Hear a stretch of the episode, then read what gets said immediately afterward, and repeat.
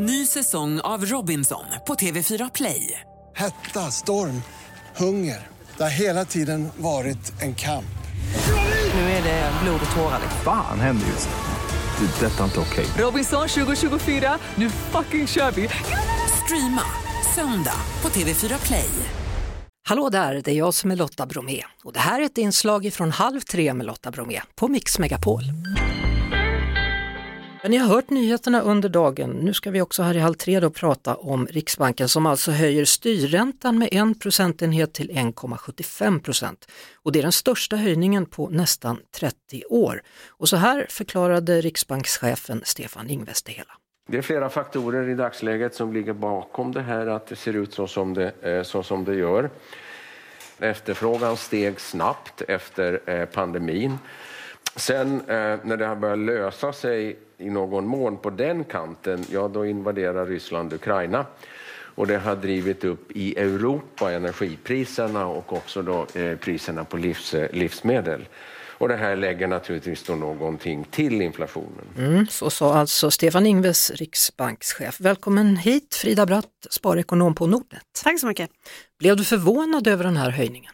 Ja men lite faktiskt. Jag hade nog inte räknat med att man skulle höja fullt så här mycket. Att vi skulle, det skulle bli en monsterhöjning, det visste vi. Men en procentenhet, det är mycket. Det var väldigt länge sedan vi såg en eh, höjning av den magnituden. Ja. Så att, eh, jag blev förvånad av den anledningen. Ja. Chocktober är rubrikerna nu. Ja men precis, chockhöjning. Och det är, beror ju på att vi har ju inte bara det här med att våra räntekostnader nu kommer öka väldigt mycket utan vi har ju elräkningarna, vi har höga matpriser. Alltså det är många saker nu som gör att det ser tyvärr eh, lite grann av ett eh, privatekonomiskt mörker här. Kan man på något sätt, på ett enkelt sätt förklara för sådana som mig eh, och andra som inte riktigt begriper styrräntan upp med 1% till 1,75, vad betyder det för mina lån till exempel?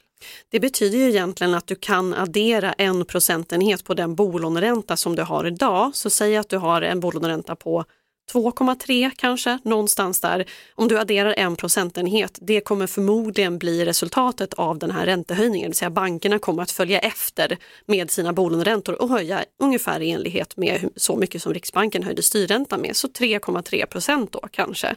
Och det betyder ganska mycket om man har ett väldigt stort lån, så det är ju tusenlappar extra i månaden. Om man har bundit sitt lån då? Ja, då påverkas man ju inte, utan det här är ju de rörliga bolåneräntorna som följer med mm. uppåt nu. Men, men du, varför gör de så här när vi redan har det tufft med höga el och matpriser? Mm, det är en jättebra fråga. Jag får eh, ofta den frågan därför att det känns just som en trippelsmäll lite grann med elpriserna, matpriserna och nu räntekostnaderna. Det är ju så att ur Riksbankens perspektiv så vill man eh, kyla ner svensk ekonomi. Man vill göra det genom att eh, göra så att vi hushåll att vi får mindre pengar att röra oss med. Eh, så att vi minskar vår konsumtion så att ekonomin då kyls ner och att inflationen på så sätt ska falla tillbaka. Så att man gör ju det här för att inflationen ska gå ner och att då elpriserna och matpriserna ska också ska gå ner som en följd av det. Eh, men det kan ju kännas som en smäll, men det man resonerar som är att det är bättre att man gör det här än att man låter inflationen pågå. Mm. Helt enkelt. I vår förra halvtimme så pratade jag då med Niklas Laninge, psykolog och författare, om just ekonomisk ångest då, som många nu känner. Och då tänker jag så här, en av de sakerna han sa som man kanske får dra in på då, det är äta ute, mer matboxar, men äta ute. Vad händer då med alla restauranger om vi slutar gå ut och äta?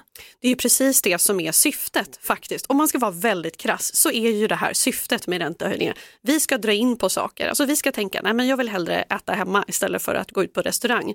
Och då minskar ju aktiviteten i ekonomin om vi börjar dra in på saker och det är det då som ska göra att inflationen faller tillbaka. Så det är ju syftet och då kommer vi gå in i en lågkonjunktur. Det är precis det som kommer hända. Ja, men och då kanske restaurangen måste lägga ner då, mm. för det kommer inga dit längre.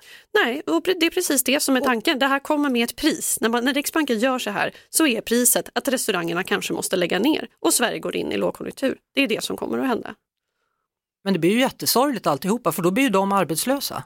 Exakt, så det kommer med ett pris som sagt. Eh, det här är en väldigt intressant och svår balansgång som Riksbanken går. Man tar liksom det här priset då, att det kan bli människor som blir arbetslösa om vi går in i lågkonjunktur som en följd av räntehöjningar.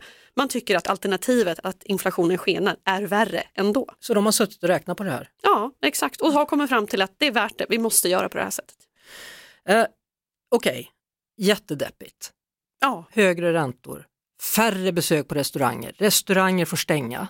Alternativet då, om vi bara skulle fortsätta här nu då med inflation på 9 Ja, men precis om Riksbanken inte skulle göra någonting utan bara låta det här pågå. Alltså, hög inflation är extremt skadligt för en ekonomi. Vi har ju sett det tidigare i historien, extrema exempel, men ändå. Alltså, det gör ju oss hushåll väldigt mycket fattigare om inflationen inte bara får vara som den är utan till och med öka. Alltså pengarna förlorar värde, vi får minskad köpkraft, vi blir ju fattigare. Eh, alltså det får väldigt stora konsekvenser för en ekonomi om man låter inflationen skena iväg. Mm. Så det är liksom ett mardrömsscenario dit man inte vill och det är därför man gör bedömningen då, ja, men då är det bättre att ta det här nu, väldigt deppigt, väldigt mörkt, vi får ökade räntekostnader men det är ändå bättre än vad som händer om vi får en inflation som skenar till och med. Ja, och så här ser det ut i USA också då? Ja, det gör det. Så det är ju ett globalt problem. Eh, de, inflationen i USA har en lite annan orsak. Eh, här beror ju väldigt, väldigt mycket på energipriserna. Mm. Det gör USA också, men lite mer här också då. Så att, eh, men det är ett globalt problem just nu som kom efter pandemin och späddes på av kriget som gör att det ser ut som det gör. Och Norge undantaget som alltid? Norge klarar sig alltid lite bättre. Eh, vad tror du om det här med amorteringskravet då? Man har ju pratat om att man kanske ska plocka bort det nu då. Precis, eh, och det där är en väldigt intressant diskussion för det, det vill ju de borgerliga partierna som kommer att bilda regering. Eh, de vill alla göra det här så att man ska nog vänta sig en förändring av amorteringskravet på något sätt. Eh, problemet är ju då att om man ger hushållen mer pengar att röra sig med för att de slipper amortera, ja, vad händer då? Då går ju det stick i stäv med det som Riksbanken vill göra. De vill ju ge oss mindre pengar att röra oss med. Så att det där är ju väldigt svår balansgång som politikerna går, men jag tror att man kommer att göra något med amorteringskravet. Och nu vill jag ställa en fråga till dig. Om man nu sätter in sina pengar på banken får man ju nästan betala för att sätta in dem mm. om man vill spara. Ja. Kan de nu tänka sig att höja då så att jag kan få lite ränta på mina pengar om jag sätter in mina pengar hos dem? Jag tror att någonting kommer att hända. Det kommer börja röra på sig när det gäller sparräntorna. Vi har ju nästan blivit vana att vi får ingen sparränta nu, men nu när räntan ändå, styrräntan då kryper upp mot över 2% så tror jag att vi kommer att få lite mer på våra sparkonton, men vi kommer ju fortfarande inte få så mycket som inflationen är. Nej. Så det kommer ju fortfarande vara så att pengarna minskar i värde när Nej. de ligger på ett sparkonto. Och vi har ju dessutom inte så mycket att spara heller eftersom allt är så dyrt. Det är snarare så kanske att man får ta av sina sparpengar, ja. kanske under den här hösten. Ja, deppigt är det. Ja. Det blir bättre va? Det får vi hoppas, men det kan ju faktiskt vara så att under nästa år redan så kan ju inflationen falla tillbaka. Det är det som alla hoppas händer nu och när den börjar göra det, ja men då kan man faktiskt se en liten ljusning i mörkret.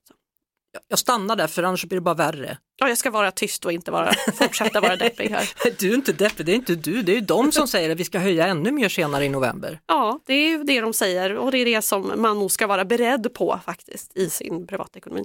Det var det. Vi hörs såklart igen på Mix Megapol varje eftermiddag vid halv tre. Ett poddtips från Podplay.